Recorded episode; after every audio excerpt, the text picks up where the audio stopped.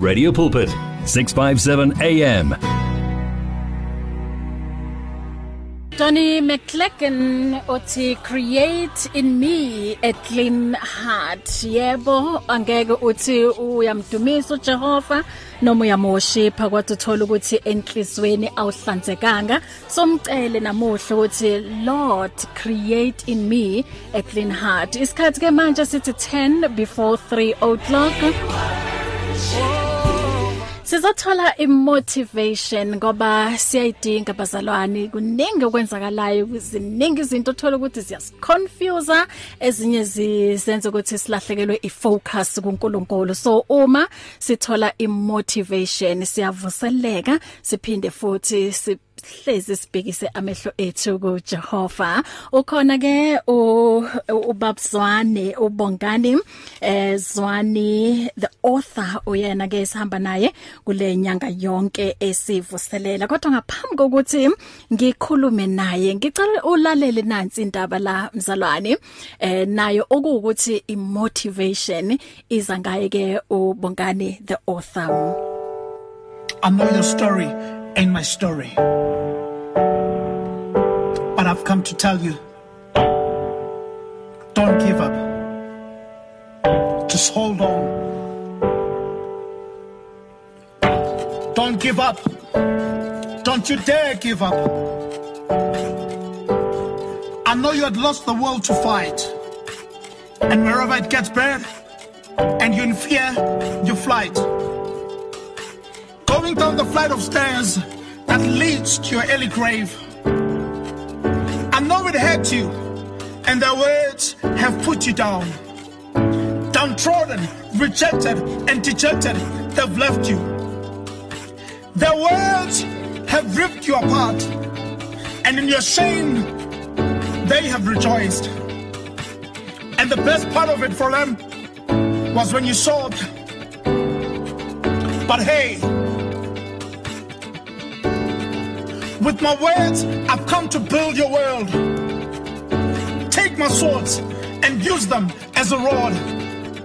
And with His word, I've come to mend your heart. Be healed in the depth of your spirit. Don't you dare give up. Open the eyes of your soul. Allow me to speak words of refreshing to your gut. Shut your ears to their snares that ensnares you.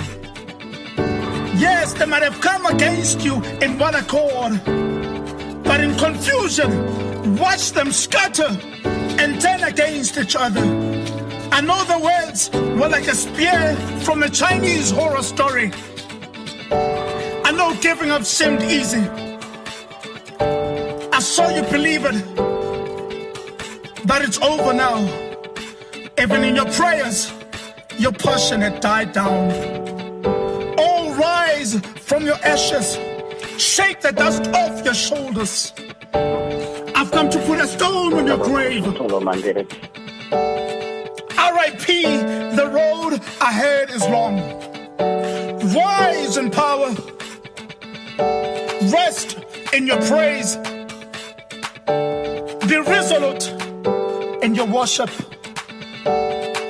Rise. Rise rise in power. Don't you dare give up. Don't you dare give up. Don't you dare give up.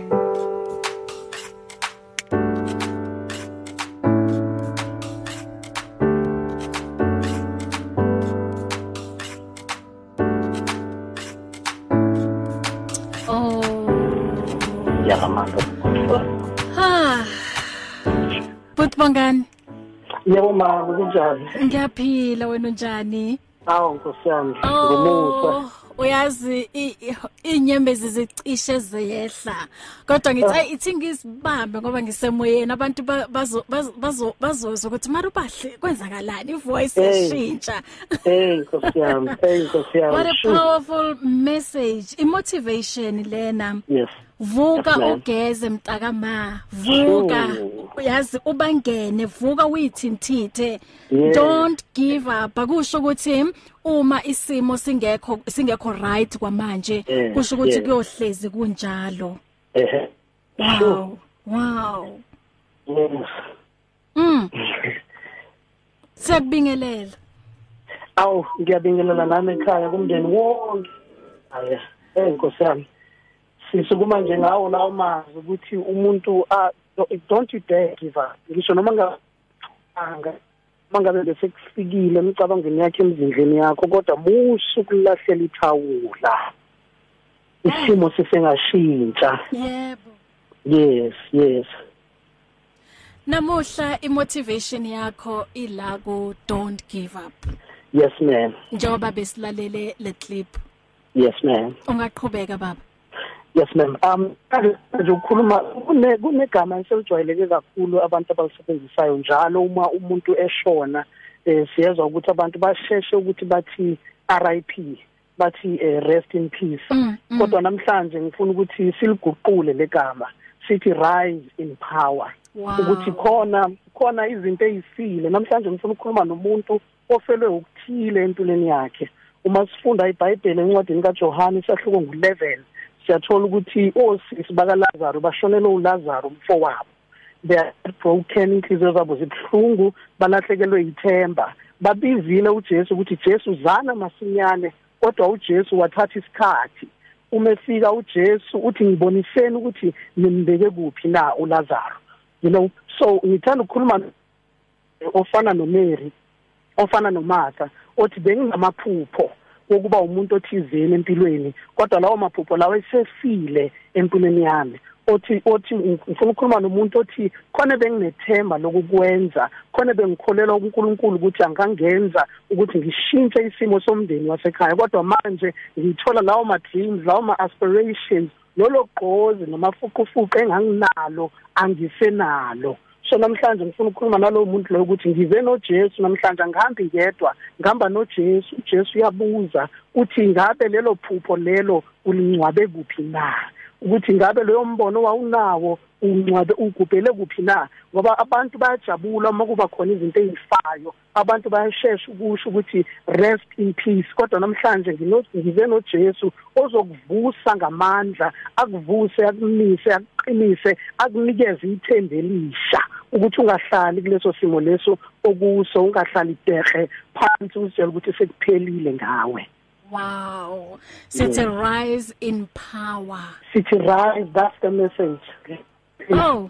Uma ngamandla. Muso kuvumela abantu bathi kuwe rest in peace lapho khona lapho khona kusindawo yokuhlala indawo yokufa lapho kumele ukuthi usukume kuyo and ukuthi ukwazi ukusukuma udinga uJesu. Kodwa udinga ukuthi umbonise ukuthi Jesu nako okufile empilweni yami. Uma ngabe sekubolile sometimes sithola silwa nemizindlo yokuyibulala. Sometimes sithola silwa nemizindlo yokuthi abantu abasifunisisa abasithandisisi kahle abakholelwe ezipheni sinazo abakholelwe intweni nabantu esithi sizoba yibo. And sithola ukuthi lawo magama wabo njalo uma bawesho kithi ayasingcwaba ayasingcwaba ayasingcwaba ngoba izwi lezi abalishoyo lithi rest in peace lithi hlala khona lapho ungasasukumi there's nothing good that shall come out of you. iBhayibheli lithi khona umbuzo obuzwa eBhayibhelini ukuthi oh Galile nawe umncinana awuncinana ukudlula abanye. So nami ngifuna ukukhuthaza umuntu namhlanje ukuthi awukho mncane. There's nothing wrong with you ukuthi you cannot make it ukuthi you cannot be the person that uNkulunkulu has created you to be. Lithi iBhayibheli nginamasu ngempilo yami wami ukuthi ngikunikeze ikusasa nethemba elisha. Yes. Yes ma'am. Ha umamzanti Zwani uthi don't you dare give up Don't you dare God give will up. never leave you nor forsake you Yes, nasemlilweni ungena nawe akuthwale Yes, ma'am. lapho uphelelwa ngamandla uthembekile uthembisile Indeed. masimthembe Indeed. njalo uthi ngivusekile sisibahle hey babzwani Yes, ma'am. thank you so much and uh, sikuthola kuphi ngiyatholakala ku WhatsApp ku 081 uh 441 6840 ku Ngiyayiphinda- social yeah eh ngiyayiphinda futhi ku 081 441 6840 ku Facebook ngubongani Zwane the author bese ku Instagram ubongani the author Asiphinde uthi sihlangane evikini elizayo. God bless you. siyabonga kakhulu I'm not a story hallelujah in my story.